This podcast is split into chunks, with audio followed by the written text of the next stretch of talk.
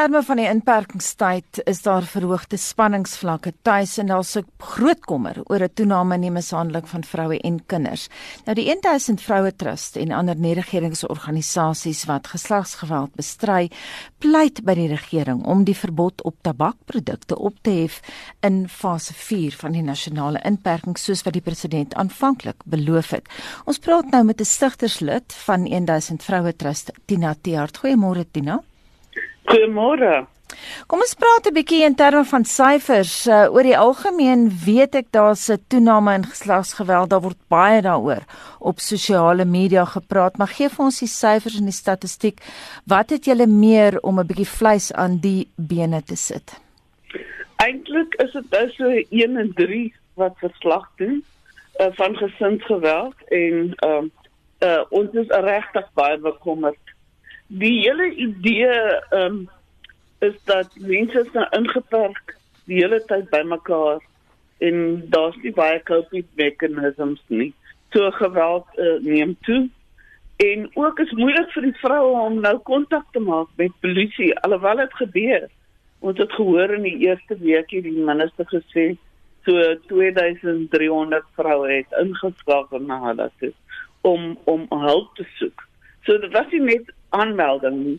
Dit was hulpsoek. Dit was al reeds tragiese omstandighede. So ja, nee, ons is baie bekommerd oor die toename in geweld. Dina, hoekom doen julle 'n beroep op die regering om die verbod op tabakprodukte, sigarette op te hef? Is nie net op op, op tabakprodukte nie, is baie meer, maar uh, die idee dat die regering 'n belofte maak en dan dit breek in die begin sou ons net tot uh, Paasfees uh, in die in die in die inperking gewees het, toe word dit opgehef. 'n Heel wat besluite wat mense se uh, geestesgesondheid beïnvloed. En op die oomblik van ons wat ons net op die sosiale media sien is dat die mense regtig sukkel. Ehm um, die geestesgesondheid is nie so goed nie. En ons weet dat rook, drank en ook ehm um, ooreet is coping mechanisms. Dit is hoe mense hulle stres hanteer. En natuurlik is dit nou onder hulle uitgetrek. So wat gebeur nou? Uh hulle weer eens uh, gouer geïrriteerd, die reaksie is heel anders.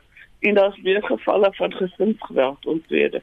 Dit nou jy sê nou daar is wel vroue wat dit regkry om die polisie gebel te kry. Ja, daar is onthou daardie lyne volgens ons opname is baie besig en jy weet hoe die polisie se se lyne is nie die die gouste beantwoord word nie. En dan het ons ook 'n paar hulplyne, maar daardie hulplyne is so besig. So weer eens, ja, hoe lank moet jy nou bel? Nou kom die man weer ingeloop om jou aan te ran en nou moet jy die foon neersit en en nou moet jy weer bel wanneer jy kan kry, jy weet, van die badkamer of op air. Dit nou Ja, met met wie skakel julle by die regering oor die voorstelle wat julle maak? Kry julle terugvoer van hulle af? Man ons beste uh um op die oomblik die beste terugvoer wat ons kry is van die Wes-Kaapse regering omdat ons baie goeie verhouding met hulle het. Nasionaal ons het nog niks teruggekry van die departement van vroue nie.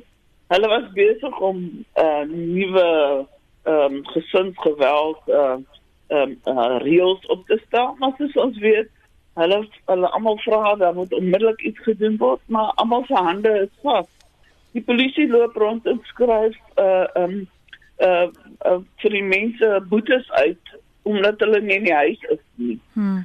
En wat is die issue? Of iemand op sy stoep sit of iemand wat binne in sy huis aangerand word. So die prioriteite is nie daarom vroue te by te staan nie. Dit nou is seker ook baie moeilik vir daai vroue om hulle kinders te beskerm teen hierdie woedende paas.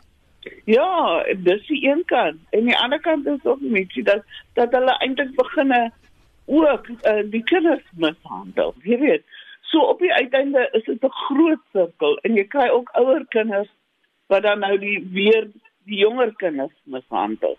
So is is 'n regtig 'n groot kringloop van van gesinsgeweld. Nou julle help vroue wat blootgestel word aan geslagsgeweld met die gebruik van 'n geheime taal uh, in kleur van harte op sosiale media. Presies hoe werk hierdie storie? Ja, dis op sosiale media en ook ons het baie WhatsApp groepe So vroue word gevra om om um, net 'n hartjie te stuur om te sê hoe hulle voel. Uh ook met hulle vriende uh in aanraking te kom en net vir hulle te sê reg 'n blou hartjie, ek voel goed vandag of 'n 'n perd hartjie, ek is getraumatiseer. Iemand moet my bel, iemand moet my praat. En dan hulle ook sulke goed soos uh vir ons wat baie belangrik is oranje, die hele oranje beweging.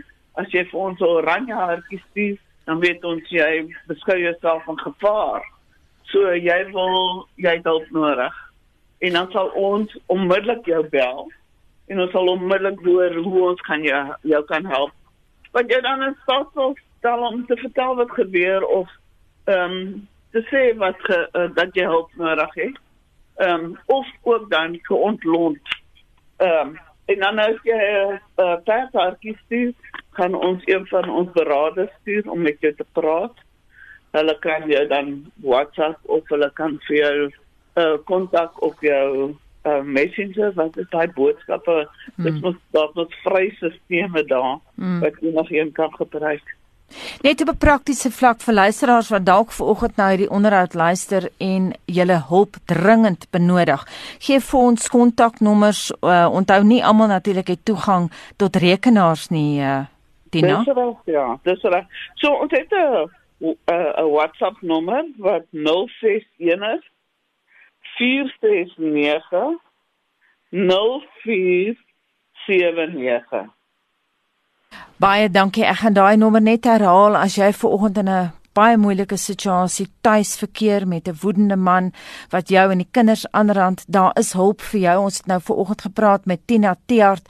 Sy is 'n stigterslid van die 1000 Vroue Trust en sy kan jou help of die organisasie kan jou help. Die nommer daar indien jy nie 'n rekenaar het nie, is 061 469 05 79 en ek herhaal daai nommer 061 469 0579. 17 minute oor 7 is ingeskakel by Monitor op RSG en 84% van Suid-Afrikaners wat toegang tot rekenaars het, glo die inperking wat president Ramaphosa ingestel het, is die korrekte aanslag om die COVID-19 pandemie hok te slaan, aldus bevindings deur die meningspeiler Ipsos. En vir meer oor hulle nuutste bevindings wat 1000 Suid-Afrikaners betrek het, praat ons nou met 'n direkteur van Ipsos in Johannesburg, Marie Harris. Marie, goeiemôre. Goeiemôre Gustaf. Julle is ook nou deur hierdie COVID-19 pandemie genoop om julle werkswyse te verander. So hierdie studie was nou net aanlyn geweest. Vertel ons meer daarvan. Ja, die studie is aanlyn gedoen. Gelukkig het ons 'n paneel wat verteenwoordigend is van die Suid-Afrikaanse bevolking wat toegang het tot die internet. Dit is mense en ons kyk spesifiek uh filter dit uit vir mense wat toegang het tot die internet by hulle huise of op hulle selfone. Natuurlik is daar nog mense wat ook toegang het op tot die rekenaar of tot die internet by by die werk, maar ons het hulle uit die paneel uitgesluit hierdie keer en die ehm um, duisend onderhoude gekies uit die paneel uit. Ehm um, dit is so dat ons in hierdie stadium nie kan persoonlike onderhoude doen nie. Ons doen wel telefoniese onderhoude en ons het 'n uh, virtuele ehm um, noem mens dit 'n uh, oproepsentrum. Ek kon nou net skielik Engels onthou. 'n. Virtuele oproepsentrum waarvandaan ons baie baie onderhoude ook doen. So die groot ding is eintlik dat ons nie kan persoonlike onderhoude doen nie, maar jy is heeltemal reg as ons na hierdie studie kyk. Ons het 1000 onderhoude gedoen van die 20ste tot die 22ste April. So dis natuurlik baie vinnig om aanlyn onderhoude te doen. En ehm um, die onderhoude is uh, ons het die data uh, geweeg en geprojekteer na die Suid-Afrikaanse bevolking hmm. wat toegang het tot die internet. Kom ons kyk 'n bietjie. Jy praat nou van die 22ste April. Dis 'n hele ruk gelede nê en daar het nou heelwat gevoelens verander sedert die tabak storie. Ja, ek dink dit was uh, nog 'n redelike soos wat hulle sal sê 'n kat in 'n hoenderhok met die president wat sê dat mense wel kan sigarette koop en toe die minister wat aangekondig het dat sigarette nie te koop sal wees nie. Baie mense is baie ongelukkig daaroor.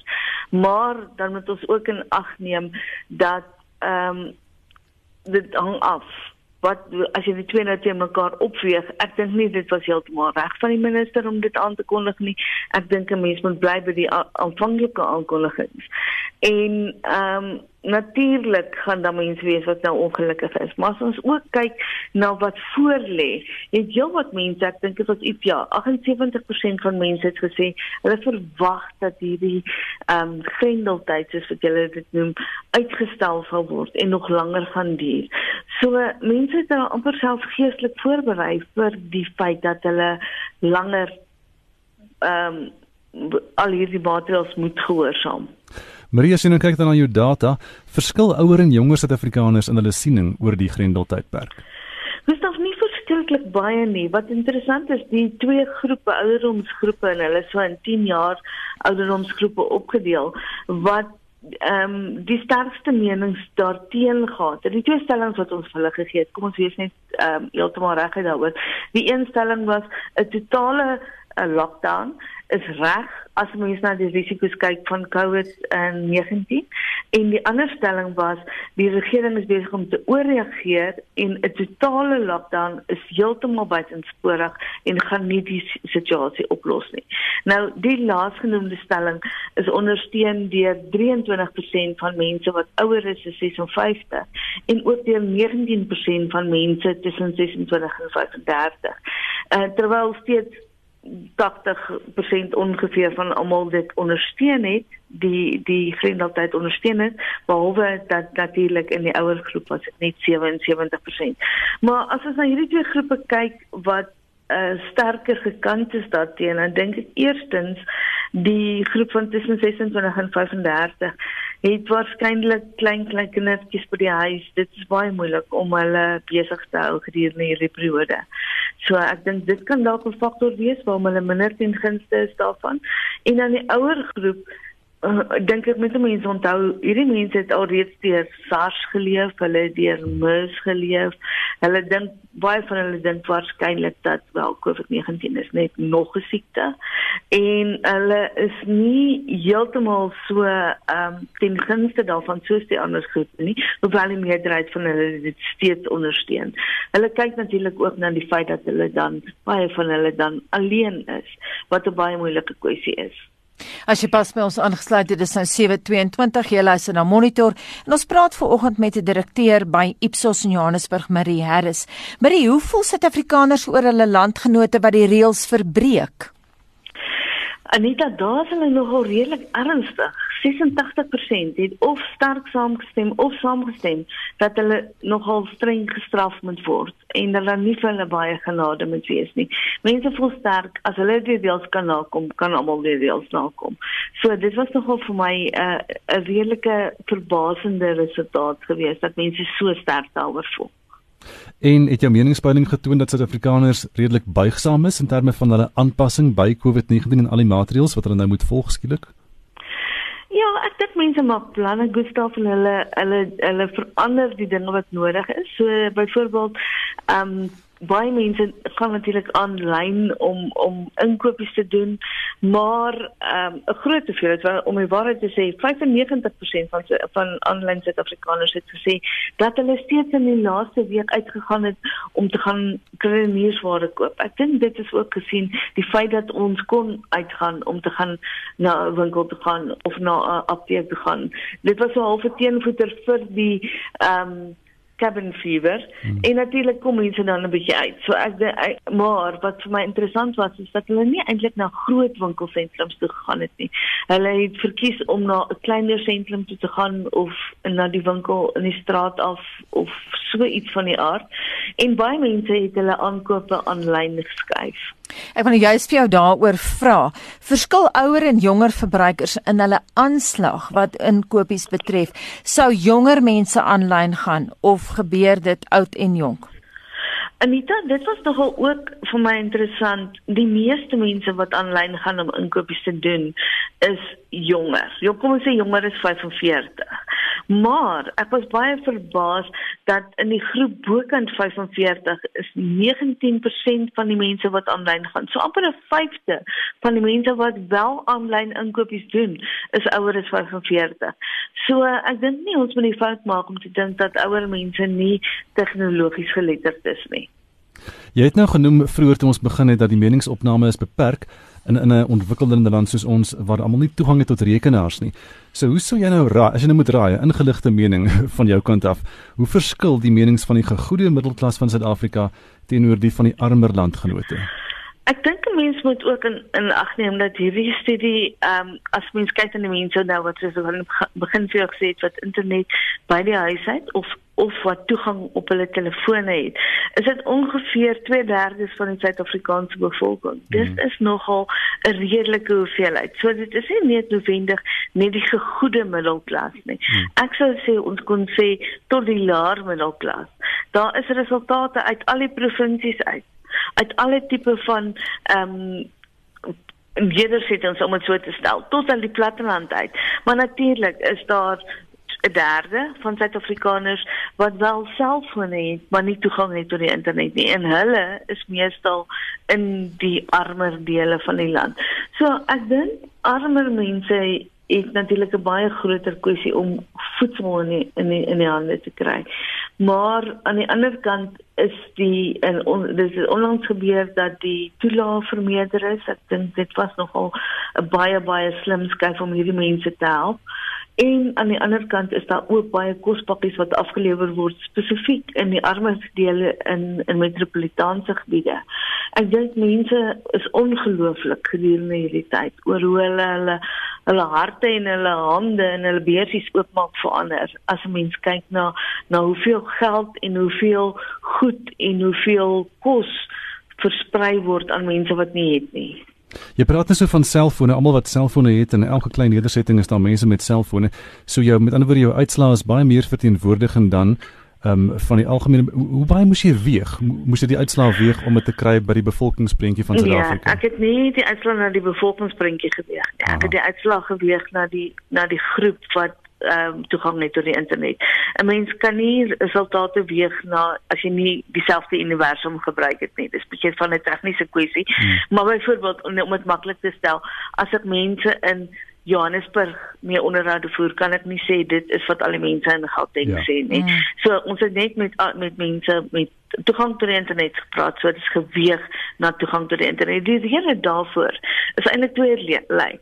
Daar is meer dames wat deelneem aan aan uh, -hmm. internetopnames. So dit is klein bietjie uit wat die wat die ehm um, geslagsverhouding betref. So ons weeg die, man se bietjie op in die in die dames bietjie af. En die ander kwessie is dat daar is ek weet nie hoekom dit gebeur nie, maar die uh, deelname uit KwaZulu-Natal is altyd baie baie goed. Hm. So uh, hulle is natuurlik wel meer as 20% van die land se bevolking. So dis 'n baie groot ja. gedeelte van die land se bevolking wat uit KwaZulu-Natal kom. Maar hulle neem baie sterk deel aan hierdie tipe studies. So ons moet natuurlik 'n bietjie kyk daarna om die provinsies dan ook in balans te kry in die regte balans te kry. Maar net laastens die tabakbedryf gaan vandag hof toe. Hierdie tabakstorie is 'n reuse game changer. Gaan julle opvolgstudies en opnames doen om te sien hoe Suid-Afrikaners daaroor voel?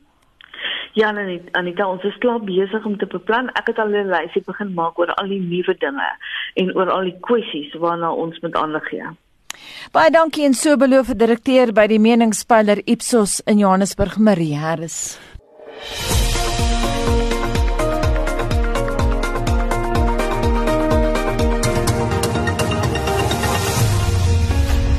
As luisteraars en ander wat dink die 6 tot 9 maandre om te gaan oefen is sommer baie simpel. Vir al die Kaapenaars trouens se minister het homself daaroor uitgelaat want is nog donker daar. En wie wil dan gaan oefen? Marlenae jy het ook vroeër gepraat oor die mense. Sê hulle is ook benoud vir mense met maskers en dan om in daai donker te oefen is moeilik né? nee? Ja, nou dan dink ek is nogal heel gevaarlik want as iemand iets by jou wil steel, hoe gaan jy hom uitken? Maar ons groot frustrasie onder luisteraars oor die nuwe regulasies in vlak 4. Ons mag weer buite oefen tussen 6 en 9 in die oggend. Ons wil weet gebruik jy die vergunning? Hoe was jou eerste drafstap of fietsry ervaring? En dan wil ons ook weet, is jy een van die wat vandag terugkeer werk daar wil jy terugkeer, maar jy mag nie. Daar's groot frustrasie. Gerda Brinkenhol sê op Facebook, dis geen vergunning nie. Jammer. Dis ons basiese en demokratiese reg om uit te kom. Ons is nie kriminele nie. Ek weier om so onderdruk te word deur die magsbepte regering. Dis Gerda Brinkenhol wat so op Facebook sê. Dan is daar mense soos Herman Domel wat sê, ek het Vrydag presies 6 uur uitgegaan vir my 5 km draf en dit het eers verkeerd gevoel, maar toe ek oorgaan na tweede rad was daar geen keer nie. Toe ek beter pas as voor die inperking. Toe kom ek terug en neem kap kyk die hondjie vir haar 2 km loopie en net om elke sekonde te benut het ek daarna 'n 30 km fietsrit ook ingepas. Gisteroggend het ek 15 km gehardloop, vandag net rustig gevat en met kap kyk gaan stap. Môre gaan ek weer probeer vir 'n 90 km fietsrit. Ehm um, hy sê hy met sy VO2 max weer kry waar dit was voor die inperking so elke sekonde word gebruik. Op die SMS lyn praat mense oor wat werk toe gaan betref en daar's verskeie mense wat steeds nie mag werk nie. Hier's iemand wat laat weet ek SMS uit 'n nat en koelerige Hiberdien. Ja, ek is ook 'n haarstylist en voel dieselfde as al die ander. Ons hande is die hele tyd in water en as ons maskers dra, wat is die probleem? Ons glo nie daar's meer higiëniese plekke as 'n salon nie. No work, no pay. Hoe moet ons lewe? Jy het nog kans om met ons te gesels. Jy kan op Facebook praat, facebook.com vorentoe skynstreep ZRSG. Kan ook 'n SMS stuur na 45889 teen R1.50. Ons hoor van jou kort voor 8. Intussen gaan ons na internasionale nuus gebeure en ons begin by Washington waar Donald Trump glo en stof teen die koronavirus sal vanjaar nog gereed wees Justin. Ja, Anita, wetenskaplikes reg oor die wêreld is besig om so 'n enstof te ontwikkel, maar die meeste kenners verwag dat dit eers in 2021 gereed sal wees vir massaverspreiding. Dit lyk asof Trump aanvaar dat hy sy eie mediese adviseurs voorspring oor die voorspelling van so 'n vinnige tydlyn en dat hy te optimisties is. Volgens hom sal dokters sê hy moenie sulke stellings maak nie, maar hy sal sê wat hy dink, het Trump op Fox News gesê.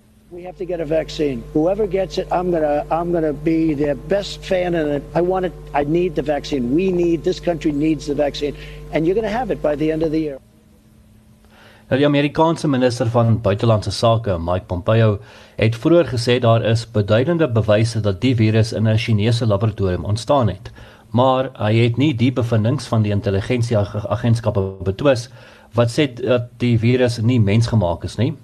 Trump het ook weer China waar die koronavirus ontstaan het gekritiseer omdat hy nie die verspreiding van COVID-19 gestuit het nie, berig die BBC se John Sopel. There's been a marked deterioration in relations between the two economic superpowers, with the US increasingly accusatory, suggesting the outbreak didn't come from a wet market in Wuhan, but from a laboratory in the city. Last night, Donald Trump said he thought the Chinese had made a horrible mistake that they didn't want to admit. He accused Beijing of a botched cover up. They tried to put out the fire, but they couldn't, he claimed. Intussen hou die Wêreldgesondheidsorganisasie vandag 'n skenkerskonferensie in Londen om geld in te samel vir die ontwikkeling van 'n COVID-19-enstof. Die direkteur-generaal van die WHO, Dr. Tedros Ghebreyesus, sê slegs deur samewerking kan die wêreldwye verspreiding van die virus gestuit word. Die enstofontwikkelingsproses is onderweg in 'n aantal lande, asook deur privaat maatskappye en talle word reeds getoets. Die geld wat die WGO by die konferensie insamel, sal ook aangewend word vir die toetsfases. Justin, kom ons kyk na die statistiek in ander lande. Uh, Frankryk, Italië en Spanje het hulle laagste daaglikse dodetal in weke aangeteken en die lande is nou besig om voorbereidings te tref om die beperkings te verslap. In Frankryk het 135 sterftes aangemeld. Spanje se 164 is die laagste sedert middel Maart en Italië se 174 sterftes is die laagste nog in 2 maande. In Rusland versprei die virus nog met 10000 nuwe infeksies wat aangeteken is. En Rusland het amptelik naaste by 134700 gevalle en 1280 sterftes. Die burgemeester van die hoofstad sê egter dat hy reken dat 2% van die 12,7 miljoen inwoners besmet is wat dui op meer gevalle as die amptelike syfer. En dan in Indië is meer as 3000 mense, insluitend migrantewerkers, huis toe geneem per trein. Die Indiese eerste minister, Narendra Modi, het aangekondig dat inperking vir minstens 2 weke verleng word En naby die Meksikaanse grens met die VSA is 'n tydelike hospitaal ingerig in 'n kamp vir sowat 2000 asielsoekers. En dan nuus wat nie corona verwant is nie. Die president van Eritrea is toe nie dood nie. Ja, en dit is eienaardig dat ons so daaroor moet berig, maar president Isaias Afwerki is vir 'n lang tydperk glad nie in die openbaar gesien nie wat vra oor sy gesondheidstoestand laat ontstaan het. Daar is selfs bespiegel dat hy oorlede is. Die president Afwerki het egter onlangs na die naburige Ethiopië gevlieg vir wat amptenare sê gesprekke is oor die koronavirus eh, en die sprinkaanplaag wat gewasse in die streek vernietig het. Dit is egter nie duidelik hoekom hy waarom hy verkies het om te reis wanneer die meeste ander vergaderings in die streek via videokonferensie gehou is nie. Alhoewel hy Eritrea sedert hulle onafhanklikheid in die vroeë 90er jare En dit was Justin Kennerly met wêreldnuus. Dis 21 minute voor 8 jy luister na Monitor op RSG en aan Amerika en Australië begin die eerste sportgeleenthede in die volgende week of 2. Ons gesels nou vir die eerste keer in 'n lang tyd met die rugby kommentator Pieter van der Berg oor die rugby sake hier in Suid-Afrika. Goeiemôre Pieter. Môre môre sê Gustaf. Kom ons fokus eers op internasionale rugby. Wat is die jongste? Ja, net voor ek daarby kom moet ek dalk net eers vinnig reageer oor jou opmerking oor die sport in Amerika en Australië, net om ons luisteraars in die prentjie te plaas. En die FIA het die eerste NASCAR wedren wat aanstaande week sonder toeskouers gejaag sal word. En dan in Australië behoort die eerste NFL wedstryde sele oor so 'n 2 weke gespeel te word. Maar kom ons keer terug na die internasionale rugby toe. Uh, daar is natuurlik uh, Eerstens uh, geen idee wanneer internasionale wedstryde weer hervat sal word nie. Nou wêreld rugby die naweek natuurlik voortydig hulle aankondiging oor die nuwe bestuur wat in beheer sal wees gemaak en die oudspeler Billy Beaumont, hy is vir die tweede keer verkies as president van wêreld rugby en hy het dit beklemtoon dat daar baie harde werk voor lê en dat daar baie druk op die sport is. Op die oomblik is internasionale rugby natuurlik ook in 'n russtadium en um, daar's heelwat beplanning wat gedoen word. Daar is byvoorbeeld 'n idee Gustaf op die tafel dat die noordelike halfrond ontspanning een keer 'n maand um, of een maand in die suide gaan speel en dan die volgende maand gaan die suidelike halfrond span in noorde toe. Maar soos ons sê, tans uh, met met die stilstand van rugby is daar heelwat heelwat uh, sake wat nog ondersoek word en nog gekyk word. En dan in skopnuus, die laaste 24 uur op internasionale vlak raak die bokke baie direk. Die Engelse publikasie The Mirror sê dat die Britse en die Ierse leeu's toe na Suid-Afrika aanstaande jaar moontlik uitgestel kan word of selfs afgelas word. Nou die rede is dat uh, die vier Britse tuisunies, nou Engeland, Ierland, Skotland en Wales, tans veg vir finansiële oorlewing en dis alles as gevolg van die koronavirus pandemie. Nou gepraat van die Bokke Springbok rugby lê ons almal na in die hart en ons is boonop in hierdie stadium die huidige wêreldkampioene. Wat is die jongste nuus wat jy het oor die Bokke? Ja, die direkteur van SA Rugby, Rassie Erasmus het die naweek gesê dat die bokke werk so hard eh, soos altyd en dis uh, ten spyte van die inperking en Rassie het die opmerking in 'n nuwe potgooi reeks gemaak en dis natuurlik ook beskikbaar vir vir die publiek waarna hulle kan luister wat tans aangaan uh, agter die skerms. En dan het Erasmus ook 'n bietjie teruggekyk na die 6 maande. Dit kan jy glo al 6 maande gelede so onvergeetlike dag toe die Springbokke die Wêreldbeker eindstryd in Engeland gewen het met 32-12 En dan 'n uh, week of wat gelede het die rugby-industrie aangekondig dat rugby soos baie ander besighede natuurlik veg om oorlewing. Dit sal natuurlik ook op die bokke invloed hê.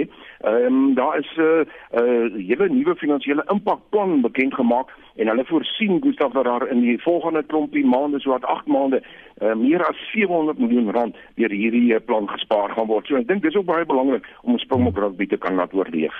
Wat is in hierdie stadium aan die gebeur met die internasionale kompetisies nou so Super Rugby byvoorbeeld?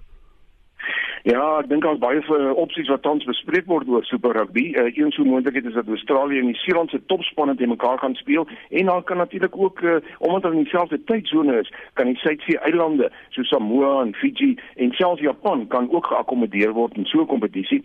En dan wat ons plaaslik moet ons bietjie loer, uh, is natuurlik Suid-Afrikaanse Cheetahs en Kings wat in dieselfde tydsone teen die noordelike halfrondspanne in Europa en Brittanje speel die afgelope jaar of twee. Um, maar ek dink dit kan ook dalk die ander franchises in Suid-Afrika Suid-Afrika se voorrond wees. Dit is natuurlik na die franchises in die superreeks, maar uh, of die huidige formaat in die kompetisie dis behou sal bly, dis 'n oop vraag en ek dink uh, ons moet onthou dat Super Rugby reeds op 14 Maart deur SANZA opgeskort, maar dit is net tyd wat sal leer wat gaan gebeur of daar enigstens verdere Super Rugby hierdie jaar gespeel gaan word. Ek sê die kans is bitter skraal daarvoor. Daar het heelwat die afgelope tyd op provinsiale vlak gebeur en ook heel party skuwe en nuwe aanstellings is bekend gemaak of hoe? Ja, kos maak 'n bietjie draai deur die land. Ek dink jy wat verandering is by die Bulls bekend gemaak. Die uitvoerende beampte Alfons Meyer bedank. Daar's ook natuurlik die nuwe afrigter Jake White wat by Pote iemand oorneem. Dan uh, onder die spelers is die voormalige bokstit Marcel van der Merwe nader getrek. Hy sal in Julie maand by die span aansluit. Hy was natuurlik daar in Frankryk by die top 14 klub Toulon. En dan nie uit Bloemfontein is dat die Cheetahs se krag en koördineringsafrigter Quentin Creer aan die einde van Mei sy pos na 10 jaar verlaat. Andre Smith, hy was daar by die Maties gewees, hy vervang vir Creer. En dan by die Sharks word daar gehoop uh, om die Bulls se losskakel Manny Libok wat ook heel agter kan speel permanent na Durban te lok. En by die Stormers is natuurlik uh, groot afwagting om te kyk of uh, vir Pieter Steef de Tooi gaan kan behou. Daar is volgens die Sondag Media gister 'n reuse uh, oorseese aanbod vir hom op die tafel. En gepraat van geld en kontrakte aan spelers, dan is natuurlik heelwat Springbok sterre wat met groot geld na die buiteland gelok word tans. Daar is 'n venster tydperk en dit duur tot 14 Mei waar tydens spelers uit hulle huidige kontrakte kan kom en aanbiedinge skrywe oor see na veral Brittanje, Frankryk en Japan kon oorweeg. En ek dink 'n groot deel van die bokgroep wat verlede jaar uh, uh, natuurlik in aksie was, hulle het al reeds kontrakte in die buiteland aanvaar, dink dit vir my. Ek hoop ons praat gou weer Pieter van der Berg van RSG Sport. Nou so is 16 minute voor 8 en die COVID-19 pandemie het elke aspek van ons lewens drasties verander. Dit geld ook vir wildstropery, sê Dr Marcus Hofmeyer, buitengewone dosent aan die fakulteit veeartsenykunde by Onderste Poort. Ons sien 'n klomp interessante veranderinge wat ewe skielik plaasvind. Die onwettige handel en onwettige produkte wat wild insluit is natuurlik baie geaffekteer deur die veranderinge in hoe die wêreld se vervoer werk. En die georganiseerde misdaadkringe gaan baie vinniger aanpas as die wettige handel in produkte wat op hierdie stand gebeur nou is dat die tipe produk wat gehandel word gaan verander. Daar's 'n aanvraag vir vleis nou want mense is honger. Mense gaan huis toe, hulle sit daar, hulle het niks om te doen nie. So daai stropery gaan definitief toeneem. Wat interessant is is die stropery van renosters het afgeneem wat ons kan aflei en dit het waarskynlik te doen met die vermindering van toegang tot die reservate want die stropery was baie gedrewe in Suid-Afrika deur mense wat as toeriste in die park inkom, afgelaai word, gaan skiet en dan weer opgelaai word. Want dan is dit moeiliker om hulle te vang as jy mens nie baie goeie kontrole by die hekke het nie wat definitief feit was. Ek dink die grootste punt wat mens hier moet maak is dat die onwettige handel van produkte word gedryf deur georganiseerde misdaadkringe wat baie vinniger aanpas as die wettige bedrywe want hulle het nie dieselfde reëls wat hulle hoef te volg. Mm. Maar jy praat nou van sluikhandel in allerlei produkte, soos selfs byvoorbeeld uh, sigarette. Ons het Vrydag daaroor gepraat. Daai sluikhandel befonds weer wildstropery of hoe? Dis reg, so die produkte verander afhangende van wat die tande is om hulle te verskaf, te vervoer en dan weer af te sit en te verkoop in die eindmark. En mens kan nou dink, as mense nie sigarette wettiglik gaan verkoop nie en mense wil rook, sal dit met alkohol gaan dit onwettig wees en die pryse gaan opgaan wanneer die aanvraag is hoog. So daar's waarskynlik geen ondersteuning van die onwettige mense nou om wettige handel in alkohol en sigarette te dryf nie want hulle maak nou baie geld. Dit is my logiese afleiding van hierdie ding. So die mense wat voorheen miskien 'n renosterhoring geld gemaak het, sukkel nou daarmee. Hulle sal net verander na sigarette toe as hulle kan en klaar was waarskynlik klaar besig met sigarette op 'n laer vlak. Marcus, jy het net nou gepraat van die feit dat mense honger is. Jy het gepraat van honger as 'n dryfveer. Dit beteken dat ander soort produkte gestroop gaan word of ander soort wilddiere gestroop gaan word of hoe? Ja, ek dink ons moet mooi verstaan wat nou gebeur. Jy weet baie mense wat gewerk het, is nou by die huis. Hulle is verveeld. Hulle het nie geld nie en ek is nog baie betrokke met renosterbewaringsaaspekte reg oor Afrika en ek het nou gereeld onderhoude met die mense wat in verskillende projekte werk en daar's geen twyfel dat die onwettige vangs van wilde diere ewe skielik skerp toegeneem het in baie lande, insluitende Zambië, Suid-Afrika, Kenia, Tanzania en waarskynlik in die ander lande ook. Dit gaan nou omdat mense honger is. Hulle het nie meer so maklik toegang tot die kos wat hulle in hulle daaglikse loone kon kry nie en wilde diere is 'n op 'n manier 'n mark wat jy verniet kan aanskaf. Die kriminele netwerke gaan dit ook uitwyd. Daar's geen twyfel daaroor nie. Wetstoepassers, hoe kan hulle hulle modus operandi nou aanpas want hulle moet ook buigsaam wees, né? Nee? Ja, ek hoop dat hierdie hele situasie die mense wat kriminele netwerke probeer ontbreek, miskien meer fleksibiliteit kan kry om te opereer. Ek dink deel van die probleem tussen die onwettige en die wettige handel is die wettige handel 'n klomp reëls wat gevolg moet word. By die onwettige handel nie doen nie. Hulle het ander stel reëls wat gaan meer oor geld en mag en wie se beheer. Ongelukkig het regeringsstelsels 'n klomp struikelblokke wat mens moet deurspring voordat mens iets kan aanskaf of iets kan doen.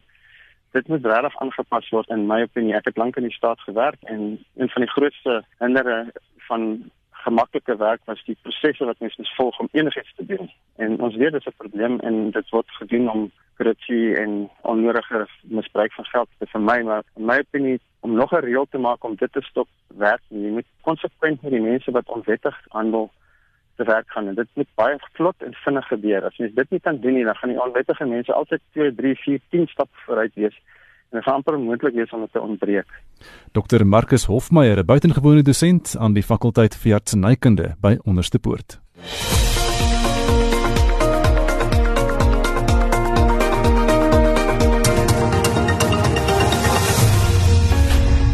Meer geweld tuis dis die laas wat ons sien tydens inperking. Nou ons het vroeër vanoggend gepraat met 'n stigterslid van 1000 vroue trust Tina Tiart en sy het 'n nommer gegee vir vroue wat nou hulle self bevind in 'n situasie waar hulle geslaan word en waar hulle kinders geslaan word weens hulle man se frustrasie.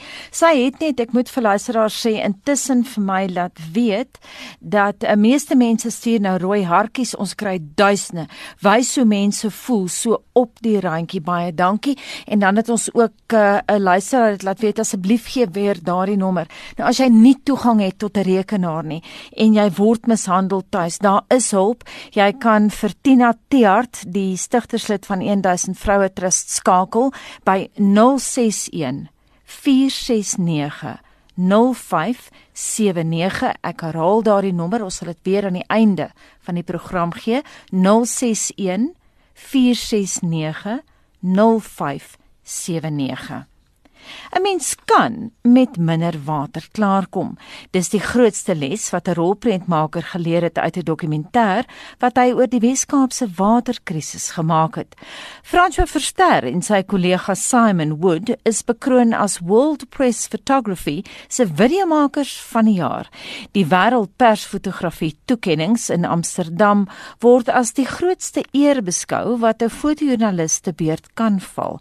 Anne Marie Jansen van Vuren doen verslag. Arresting officer? We need some backup here.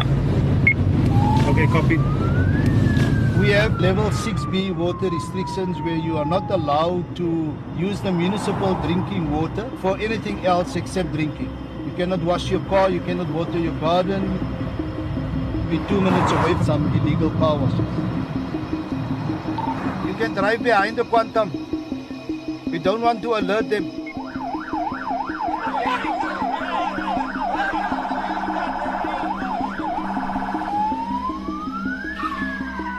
Die Kaapse rolprentmaker, François Verster, volg gewoonlik die onderwerpe van sy dokumentêre rolprente oor meer as 1 jaar. Maar met Scenes from a Dry City het hy en sy mede-regisseur, Simon Wood, besluit om 'n kort dokumentêr te maak wat slegs 12 minute in lengte is. Dog het hulle steeds baie interessante karakters tydens vervulling raakgeloop. Hi, where's the water so you know, like they say, they need to put something on the table. If you take away my car wash, what do you expect me to do? Do you want me to break in? Do you want me to rob the people on the street? Yeah, I'm doing an honest living. So yeah, they feel a little bit bad about that.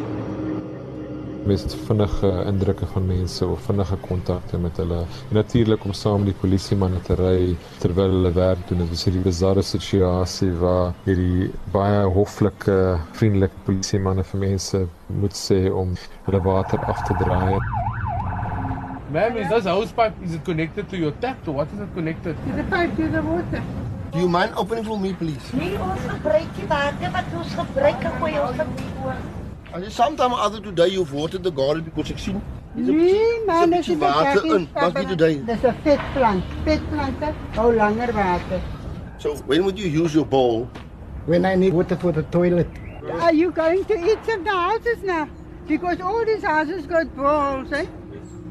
En aan die ander kant het die polisie manne wat aan die karwassers die straat afjaag. So is dit mengsel van verskillende tipe houdings, verskillende tipe mense wat mense ontmoet het ook. Verster sê met hulle dokumentêr wou hulle nie kyk na die oorsake van die sogenaamde dag 0 waterkrisis in die Kaap nie. In die tyd het ons film uitgekom het, was daar reeds films deur Financial Times, Guardian het 'n film gemaak. Baie van hierdie films het gekyk na die redes vir die droogte of al die maniere hoe die stadsraad hierdie waterbeperkings wou toepas of die oplossings wat hulle probeer maar soek het. En baie daarvan was bespreking oor die wetenskap en die ekologiese feite rondom die droogte. Ons het probeer meer kyk na die eksistensiële impak. Want as mens nou dink water is so basiese element water is lewe. En ons wil kyk wat gebeur op 'n diep menslike of selfs geestelike vlak as daar moontlikheid in water wat weggeneem word. En ek dink dis ook jy so kom ons dan op die ou en daai toneel van Angus Buchan know, onder die duisende mense wat saam bid toe ingesit het. Repentance! Repentance I will open rivers in high places and fountains in the midst of the valley. God is speaking to you, South Africa. Amen. Want die idee van water werk op 'n baie diepere bestaansvlak as die wetenskaplike feite. En ek dink ook die ander ding wat ons wou doen is ons wou kyk na hoe sou water na mense kyk. So die water wat jy sien vloei deur die farm. Die water gee nie om die water is neutraal, dit dit vloei, water beweeg, maar die idee was amper om so te sien hoe die water deur die verskillende mense se lewens en te beweeg en dan jy tipe van 'n ander blik op die mensdom. Dit wat ons probeer doen. Het. Uit al die tyd wat hy spandeer het om mense te vervilm, het hy een groot les geleer. Die idee dat Kaapstad se ongelykheid, sosiale verbrokkeling gaan baie dieper as wat mense weet. Ek wil jy besef dit, maar goeie soos die moontlikheid vandag se bring dit net baie baie sterker nog uit. Are saying, water from all of the city must fall. Water from all of the city must fall. Pansy, Cape Town. You cannot make a profit out of water. Water is necessary for life. It doesn't mean if you don't have money, you can't get water. No, we must provide water for everybody and it must be free. Maar wat ek ook baie onverwagse vind is die vlak van samewerking en hoe mense eintlik gevoel het ons is almal saam in hierdie ding. So terwyl jy al hierdie konflik en ongelykheid en wat aan die een kant het jy ook 'n idee van mense wat mens wees op 'n sekere vlak sien. Hulle is net die sin van dat ons saam 'n probleem het almal met saam staan en dit was nogal my om te sien hoe vinnig mense van Kaapstad saamgewerk het. Volgens hom kan 'n mens eintlik met minder water klaarkom as wat jy dink.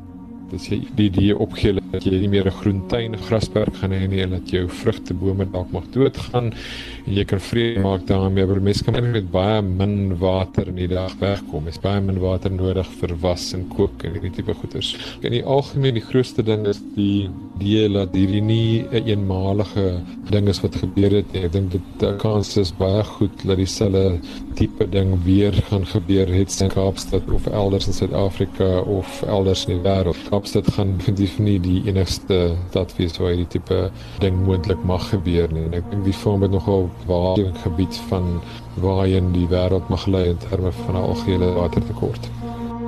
Die dokumentêre rolprentmaker François Verster en ek is Anne Marie Jansen van Vuren vir SAK nuus. Nou ja, net voordat sy self kan gaan hardloop het Marlene vinnig vir ons terugvoer van die luisteraars. Marlene Jy moet nou nie sulke onwaarhede versprei nie, Gustaf. Hardloop is nie my beste gunsteling ding nie. Jy moet hierdie dinge weet, man. maar Ons wil weet as jy 'n drawer is, hoe was jou eerste draf stap op fietsry ervaring na die vlak 5 inperking? Ons wil ook weet of jy een van die wat vandag teruggekeer het werk toe. Nou heelwat rokers voeg ook hulle stemme by die onderwerp van die vlak 4 inperkingsregulasies. Hierso laat weet Gerard van die Baai en 'n nie roker. Ek glo dat die regering wat die besluit geneem het rondom die sigarette en die vryheid om tussen te gaan oefen. Die besluite in hulle staat beswyming geneem het dat duisende normale burgers sou beter gevaar het en dan laat weet Lenet Relou Gadeke op Facebook te veel samedromming van mense vir so 'n kort tydperk. Dit is nou wanneer jy kan gaan draf of gaan stap of oefen. Dit word te laat lig om veilig te wees. Daar's ook net 'n uur en 'n half wat almal gelyk wil oefen. Die risiko van so 'n klomp mense is eenvoudig te groot te maak. Jy sien nie Dankie en dit is al van ons kant af. Vanoggend ons praat môre weer saam. En ons kyk na vanmiddag se dagboek eh, van Spectrum. Wel, Suid-Afrikaners is warm onder die kraag oor nuwe regulasies wat bepaal dat niemand honger mense mag kos gee sonder 'n permit nie.